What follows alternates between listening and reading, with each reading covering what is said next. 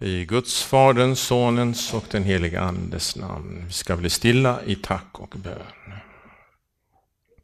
Herre vår Gud, du vår käre och nådige himmelske Far.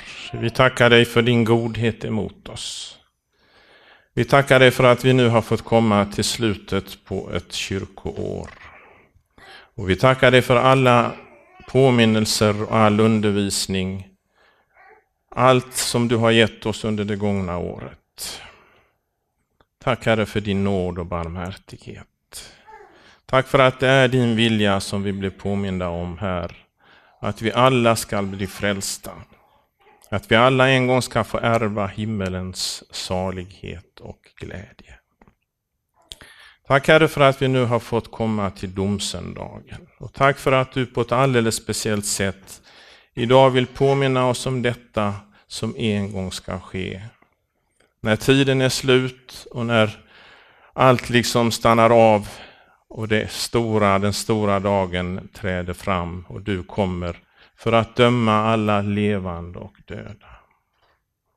Kära Herre Jesus, vi ber att du hjälper oss nu den här eftermiddagen att på rätt sätt stanna inför detta. Så att du själv får ransaka oss var och en. Så att du får liksom ställa den här frågan till oss var och en. Hur har jag det idag? Känner jag Herren Jesus som min frälsare? Herre, jag ber att du kommer till oss och att du hjälper mig nu att på rätt sätt försöka framhålla ditt ord. Herre, låt allt bli i enlighet med din vilja. Vi lämnar den här stunden i dina trofasta och goda och mäktiga händer.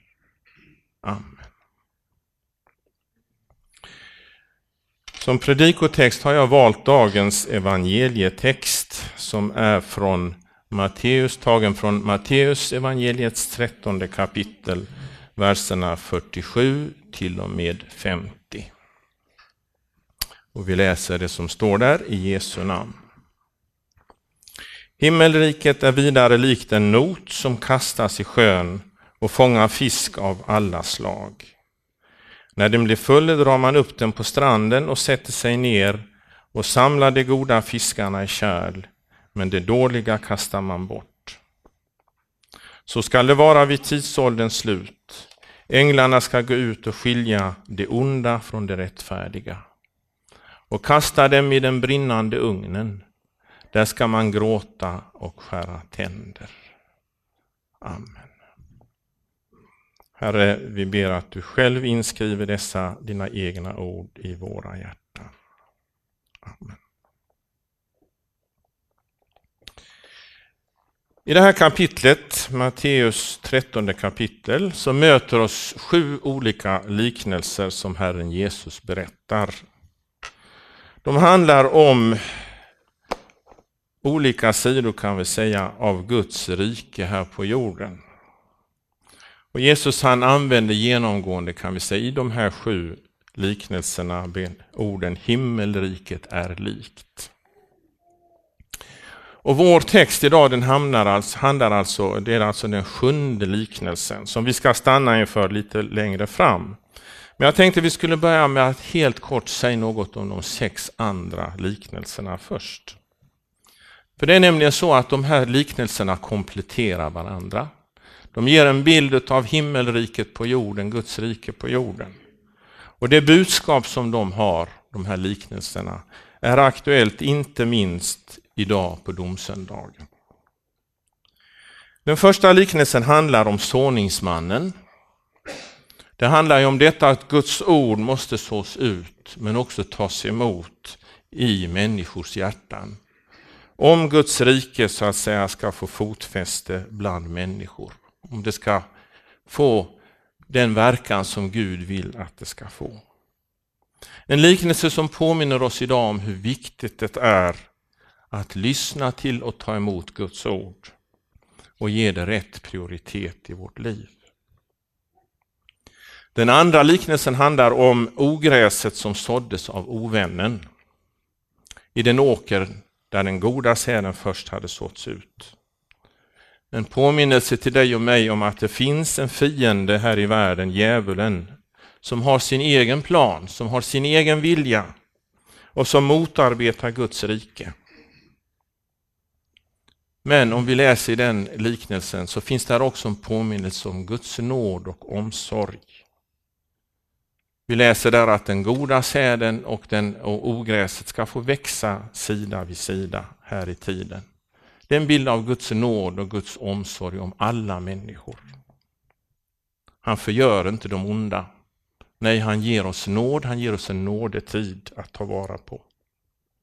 Men så står det också i den liknelsen att det ska ske ett avskiljande när skördetiden är inne. Och när skördetiden är inne ska jag säga till skördemännen, samla först ihop ogräset och bind det till knippen som ska brännas upp, men vetet ska ni samla in i min loge. Den tredje liknelsen handlar om senapskornet och den fjärde om surdegen. Och de två liknelserna de belyser hur Guds rike här på jorden har växt till och växer till. Från något helt oansenligt så vet vi att Guds rike sprids och har spritts över stora delar av världen. Och det vet vi, Guds rike skall utbredas över hela jorden och sedan ska slutet komma. Och som påminnelse om detta att det blir slut någon gång, att domens dag ska komma. Jesus säger på ett ställe, och detta evangelium om riket ska predikas i hela världen till ett vittnesbörd för alla folk och sedan ska slutet komma. Sen har vi två liknelser, skatten i åken och den dyrbara pärlan. Innebörden av de liknelserna är en påminnelse om det enda nödvändiga. Det som ger en människa tillträde till Guds rike. Att finna och lära känna livets pärla, Jesus. Skatten, Herren Jesus, här i livet. Att detta är så oerhört viktigt. Och när kan det ske? Jo, det är när Gud kallar på oss. När han talar till oss, vi är utsatta för hans dragande genom Guds ord. Och Guds ord når oss och Guds ande verkar, som verkar genom ordet, får tala till våra hjärtan. Det är då det kan ske. Det är då liksom våra ögon öppnas så vi kan se skatten och vi kan finna pärlan. Då gäller det att ta vara på tillfället, inte skjuta mottagandet på framtiden. Och det ser vi av den liknelsen och de liknelserna att mannen som fann skatten i åken, han agerade med en gång. Han väntade inte in en osäker framtid när han gjorde allt för att få tag på skatten nu. Och likadant för köpmannen som fann den här värdefulla pärlan. Han gjorde allt för att få den och för att behålla den. Viktiga påminnelser idag på domsöndagen till oss alla. Men så har vi alltså då slutligen liknelsen i vår text som handlar om fisknoten som kastas ut. Och I början av det här kapitlet så står det att Jesus gick hemifrån och han satte sig vid sjön, Genesarets sjö. Och där står det att det samlades mycket folk. Jesus fick sätta sig i en båt och så satt han i den här båten. Folk stod på stranden och så undervisade han dem. Och så använder han en för folket där mycket välkänd och aktuell bild i sin liknelse.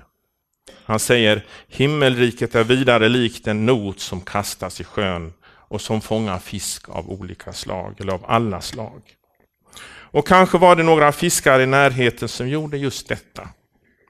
Vi vet att man använde stora nät som man var flera fiskare om att kunna hantera och dra genom vattnet. Man liksom förde fiskarna framför nätet för att så småningom kunna fånga in dem och dra upp fångsten på land. Och alla fiskar som hamnade inom nätet kom upp på land där man sedan fick, som Jesus säger i liknelse, fick sortera fisken. Och Vad vill då Jesus ha sagt med den här liknelsen? Och vad är själva poängen i liknelsen? För det är alltid så med liknelser att det finns liksom en central poäng som Jesus vill lyfta fram.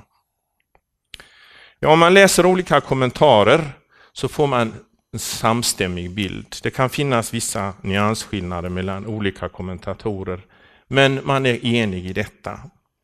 Vi skulle kunna säga att noten som kastas ut betecknar evangelium i praktisk funktion, om vi får använda det uttrycket. Det vill säga det som händer och det som sker när evangelium förkunnas och predikas av Kristi kyrka på jorden. Det är det som är noten, evangeliets not. Och då förstår vi att nätets ägare är ju Gud själv. Och vi förstår också att det här nätet har varit i funktion länge. Ja, vi kan säga att det har varit i funktion ända sedan syndafallets dag. Då evangelium förkunnades för första gången omedelbart efter syndafallet. Och sedan dess så har evangeliets not dragits genom tidens hav. Och syftet från Guds sida har varit och är att få så stor fångst som möjligt. Vi blir påminna om det förut här i inledningen, att Gud vill att alla människor ska bli frälsta och komma till insikt om sanningen. Det är Guds vilja. Men så vet vi att så blir det tyvärr inte. Guds ord säger det och vi vet av erfarenhet. Alla människor låter sig liksom inte fångas av evangelienät. Nej, många drar sig undan. Man distanserar sig öppet, man tar avstånd och går bort. Man vill inte fångas av evangeliets nät. Men samtidigt vet vi också att evangeliet och arbetet för Guds rike, det fångar liksom upp många människor. Många människor finns kvar i det sammanhang där evangelium förkunnas och där Guds ord förkunnas. Och det ser vi inte minst i andra länder idag, i Afrika och i Kina, där det är stora skaror, tusentals, som finns med där evangeliet förkunnas. Och så säger Jesus i den här liknelsen att den här noten fångar fisk av alla slag. Och Det kan ju beteckna detta att evangeliet och arbetet för Guds rike har fångat upp och fångar upp människor av olika nationaliteter, av olika folkgrupper, under olika tidsåldrar och också av olika samhällsklasser. Fattiga och rika, obildade och bildade. Det är en brokig skara. Mycket heterogen skara om jag använder det begreppet. Men Jesus han framhåller en sak. Han säger att den här heterogena skaran, den kan man dela upp i två grupper. Bara två grupper. Jesus talar om goda och dåliga fiskar. Och i sin utläggning av detta så talar han om onda och rättfärdiga människor. Så ser vi av liknelsen att den här noten så småningom dras upp. När den blir full, säger Jesus. Det finns alltså en tidsgräns. Evangeliets not ska dras upp. Och vi citerade förut från Lukas 24.4. Där Jesus säger att detta evangelium om riket ska predikas i hela världen till ett vittnesbörd för alla folk och sedan ska slutet komma. Då dras evangeliets not upp. Nätet dras upp på land och då ska fångsten granskas. Och då inser vi att det som tidigare var dolt, det blir uppenbart. Det som tidigare inte syntes framgår med all önskvärd tydlighet. Och då ska sorteringen, urskiljandet börja. Och just detta sista, det här med åtskiljandet, det utläggs direkt av Jesus när han berättar texten. Han ville uppenbarligen att hans åhörare liksom skulle koncentrera sig på detta, för det här är liksom, kan vi nog säga, då det viktiga i texten. Han säger, så skall det vara vid tidsålderns slut. Änglarna ska gå ut och skilja det onda från det rättfärdiga och kasta dem i den brinnande ugnen. Där ska man gråta och skära tänder. Det är människor som då Jesus liknar vid dåliga fiskar, de kallar han för onda. Och det är människor som Jesus liknar vid goda fiskar som han tar tillvara. De kallar han för rättfärdiga. Och kriteriet för det här avskiljandet det är alltså rättfärdighet. Det är rättfärdighet. Och då vet vi säkert, vi som är här alla, det är inte vilken rättfärdighet som helst. Utan det är en rättfärdighet som håller inför Gud, som är hundraprocentig, som det inte går att anmärka någonting på. En rättfärdighet som håller inför en helig och rättfärdig Gud. På ett ställe, vi kan ta det som exempel, så säger Jesus själv till sina lärjungar. Jag säger er att om er rättfärdighet inte går långt utöver det skriftlärdas och fariséernas skall ni inte komma in i himmelriket. Det här är liknelsen som vi möter den i, i Guds ord, i vår evangelietext. Har då den här liknelsen liksom någon aktualitet för dig och mig idag? För oss som vi som är samlade här i Eket till det här mötet, domsöndagen 2014? Och svaret på den frågan är ja, i allra högsta grad. Den är verkligen aktuell. Och det är Guds vilja att vi liksom ska ta till oss den här poängen och det här budskapet som finns i den här texten. För det är ju så att den här fisknoten, evangeliets not, som Jesus talar om i vår text, den har ännu inte dragits upp på land. Den är fortfarande i funktion. Och det där angår dig och mig, för du och jag lever i nådens tid. Gud söker oss och vill fånga in oss med evangeliets not. Och så vill han också göra oss till goda fiskar. Han vill på något sätt ta hand om oss på ett djupare plan som vi förstår. Och Då kan vi fråga, vad utgörs noten av idag? Jag skulle vilja svara så här. Noten utgörs av den verksamhet som Kristi kyrka på jorden bedriver för att predika evangelium. Och då vet vi, om vi använder ord som Luther har formulerat, att Kristi kyrka finns överallt där Guds ord rent och klart predikas och där de heliga sakramenten efter Kristi ord och instiftelse utdelas. Och det är i många samfund, det är i många sammanhang. Och då hoppas vi och tror, jag tror ingen säger emot mig, att ELMBV är en del utav den här noten. Att er förening här i Eket också är en del utav den här noten. Och vår lilla förening i Halmstad, vi är också en del utav den här noten. Genom att bedriva ett arbete enligt Guds vilja. Predika evangelium och förkunna Guds ord rent och klart. Och då berör detta oss. Den här verksamheten berör dig och mig, vi som är med här idag. Vi nås av Guds ord. Vi är med i en kristen gemenskap med all den välsignelse det innebär. Och jag är övertygad om att här finns ingen här nu som öppet tar avstånd från Guds ord. Då hade vederbörande säkert inte varit här. Utan vi, vi är med, vi vill lyssna, vi vill, vi vill vara med i verksamheten. Och om vi uttrycker det lite drastiskt så är vi liksom fångade. Det ska vi inte se negativt som något negativt, utan som något verkligt positivt. Gud har liksom satt oss i det här sammanhanget och håller oss i det här sammanhanget. Han håller oss fast på ett positivt sätt. Vi är alla genom Guds nåd inneslutna i detta. Inneslutna i evangeliets not. Och så är det alltså så, och det blir vi påminda om idag på domsöndagen, att evangeliets not sakta men säkert dras mot evighetens rand. En dag dras noten upp och en dag ska vi träda fram inför Kristi domstol. Det säger Paulus i andra Korintierbrevets 5 och 10.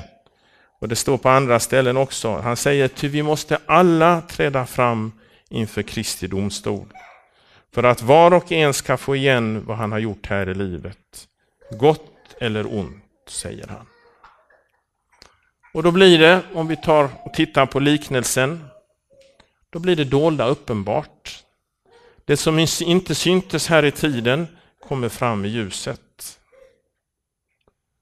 Och när vi nu har sagt detta så förstår vi att dagens text har ett alldeles speciellt budskap till dem som liksom är med i de sammanhangen där evangeliet förkunnas och predikas. Till oss, vi som är med i en kristen verksamhet, vi som bekänner oss till Jesu namn. Budskapet är en ransakande fråga till oss var och en. Vad blir omdömet om mig vid det stora avskiljandet? God eller dålig? Rättfärdig eller ond? Det är de två alternativen som Jesus lyfter fram i texten. Och så ser vi av liknelsen att det liksom sker ingen förvandling eller förändring av de här fiskarna när de dras upp på land. Nej, det är vad det är när nätet dras upp på land. Och Vad vill jag ha sagt med det? Jo, det förstår du säkert. En påminnelse till oss alla. Hur har vi det idag? Hur har jag det idag? Det är det som är det viktiga.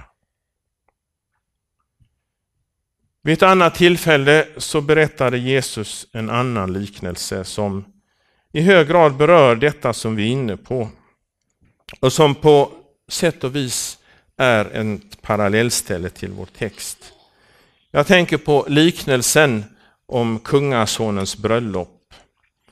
Och ni kommer ihåg liknelsen där en man i bröllopssalen befanns vara utan bröllopskläder. Matteus 22 kapitel. Där står det så här. När kungen kom in för att se sina gäster lade han märke till en man som inte var klädd i bröllopskläder. Han sa till honom, min vän, hur har du kommit in utan bröllopskläder? Mannen teg. Då sa kungen till tjänarna, bind honom till händer och fötter och kasta ut honom i mörkret här utanför. Där ska man gråta och skära tänder, ty många är kallade, men få är utvalda. En utläggning av det här av Bo Giertz vill jag läsa. Han skriver följande. Gästerna hade alltså bjudits in varhelst tjänarna träffade någon. Salen hade blivit full och bröllopssalen är Guds rike. Det som samlar sina gäster redan här på jorden. Så att man kan fira den stora glädjemåltiden kring brudgummen. Man skymtar liknelsen, i liknelsen bilden av kyrkan. Det förklarar hur mannen utan bröllopskläder kommit in. Kallelsen gick ju till både onda och goda. Men vad menas då med bröllopskläderna? Ja, redan hos Jesaja heter det att Gud har iklätt mig frälsningens klädnad och höljt mig i rättfärdighetens mantel. Och I liknelsen om den förlorade sonen använder Jesus bilden av den dyrbara klädnaden som tar, fadern tar fram för att hölja över sitt barns elände. Att komma in i riket betyder att höljas i förlåtelse. Men den dräkten måste man ha. Jag tycker Bo Giertz använder en fin bild här, eller ett fint uttryck. Höljas i förlåtelse. Alltså låta detta som Jesus har gjort, hans förlåtelse, hans rättfärdighet, allt detta liksom förskyla över all min brist.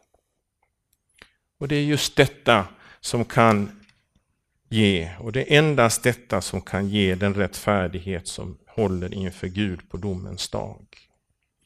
Och det är en förlåtelse och en rättfärdighet som erbjuds dig och mig under nådens tid genom evangelium. Och det är just att förmedla detta som är det viktigaste när det gäller evangeliets not.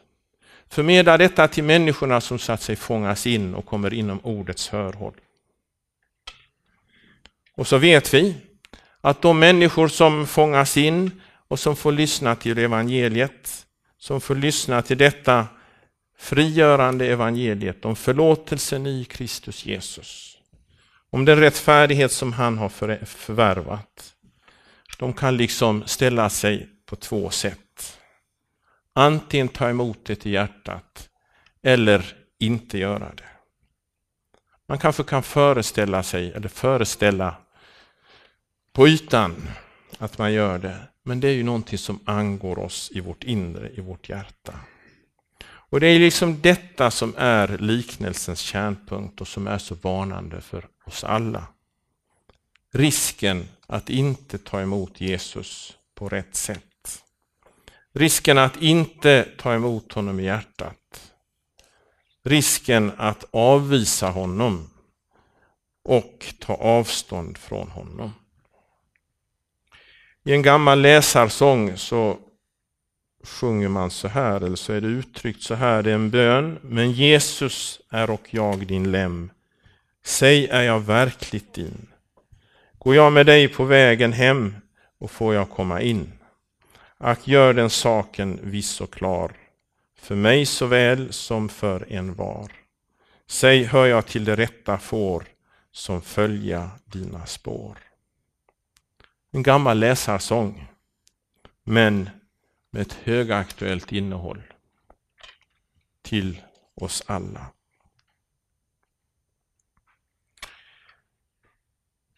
Nu säger Jesus här, änglarna ska gå ut och skilja det onda från det rättfärdiga och kasta dem i den brinnande ugnen.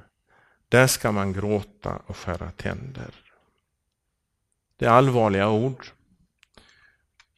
Någon kanske tycker att det är hårda ord, men det är Jesus som uttalar dem.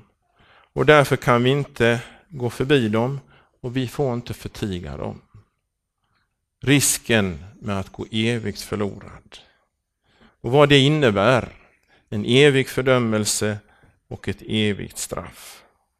Och det är frågan, hur ska jag kunna undgå detta? Ja, jag tycker vi blir påminna om det dyrt och på ett bra sätt i inledningen. Eller med andra ord, hur ska jag bli rättfärdig? Eller hur ska jag vara rättfärdig så att jag vågar se fram emot domens dag med glädje och frimodighet?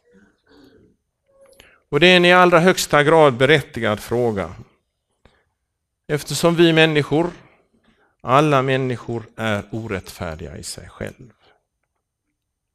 Det är Bibelns klara vittnesbörd.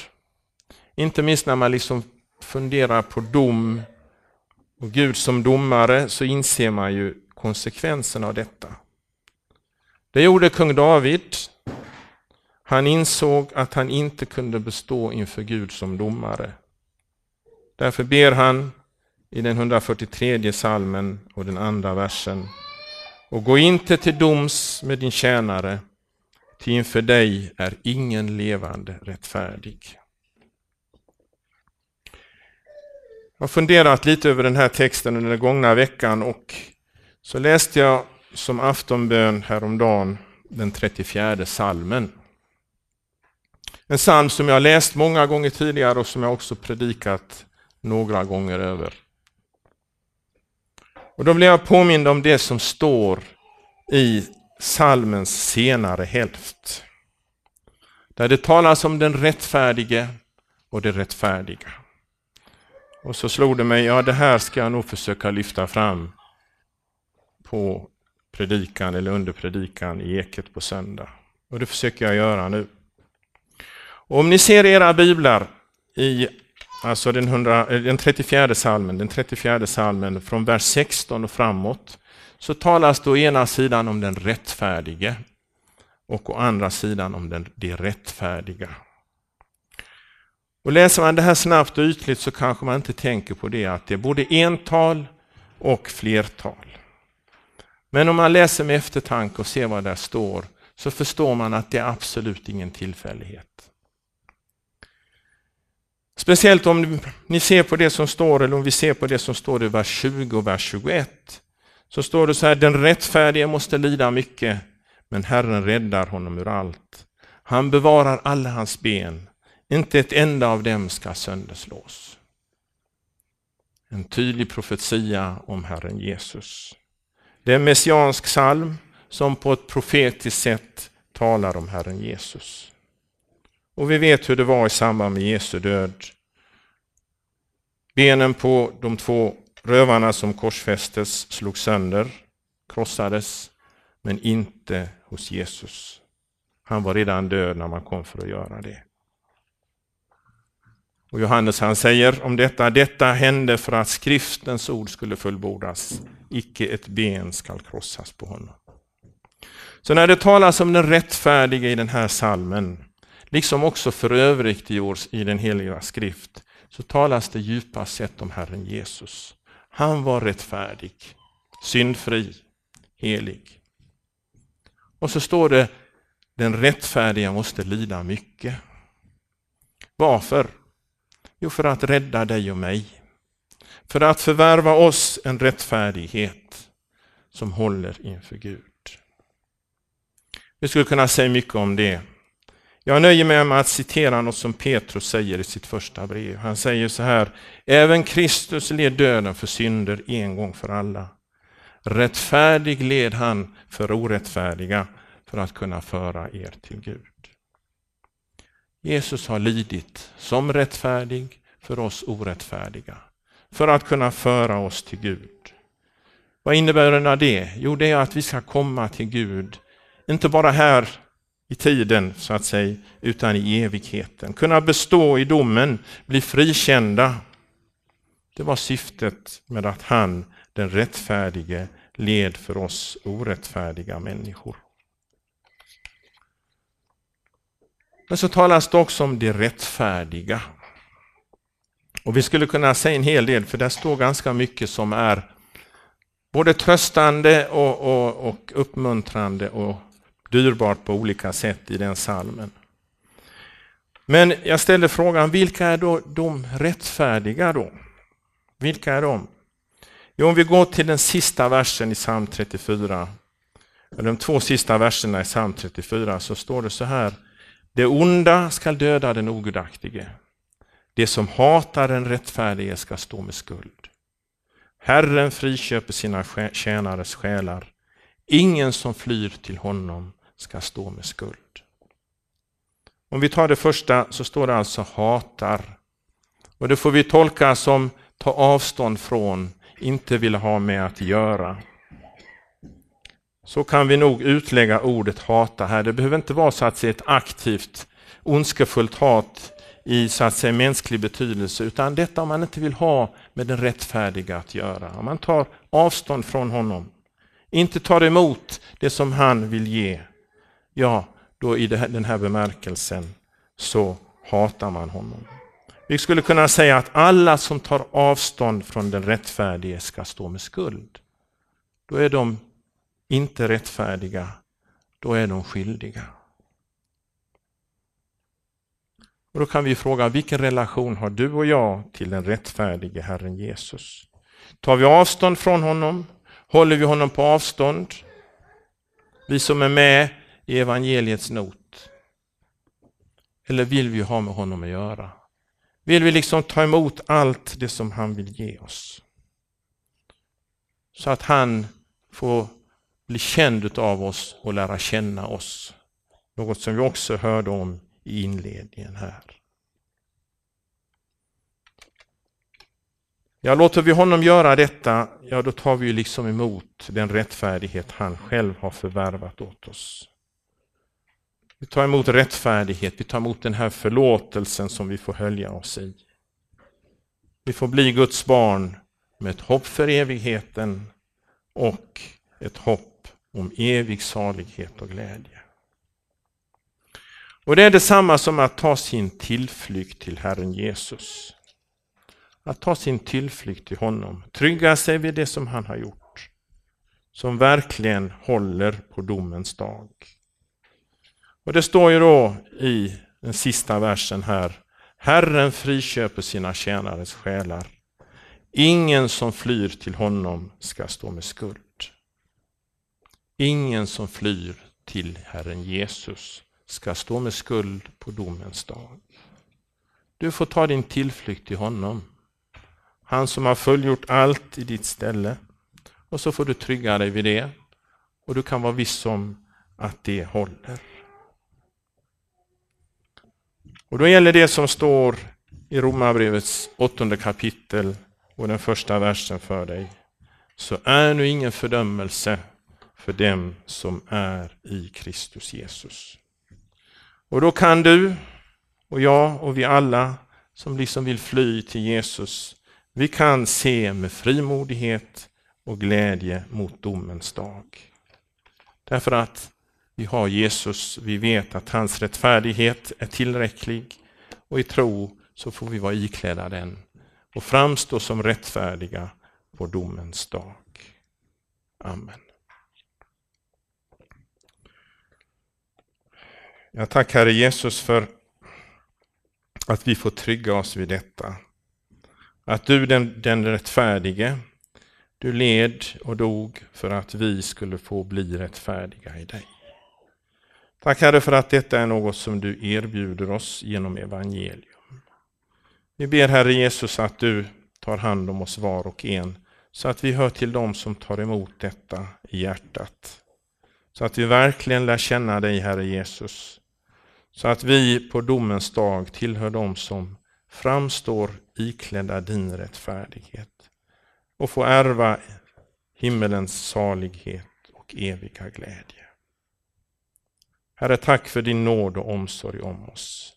Och så ber vi Herre att du själv utransakar oss och känner våra hjärtan. Att du prövar oss och känner våra vägar. Om vi till äventyrs är stadda på en olycksväg, Herre, så ber vi att du tar dig an oss och leder oss på den eviga vägen. Amen.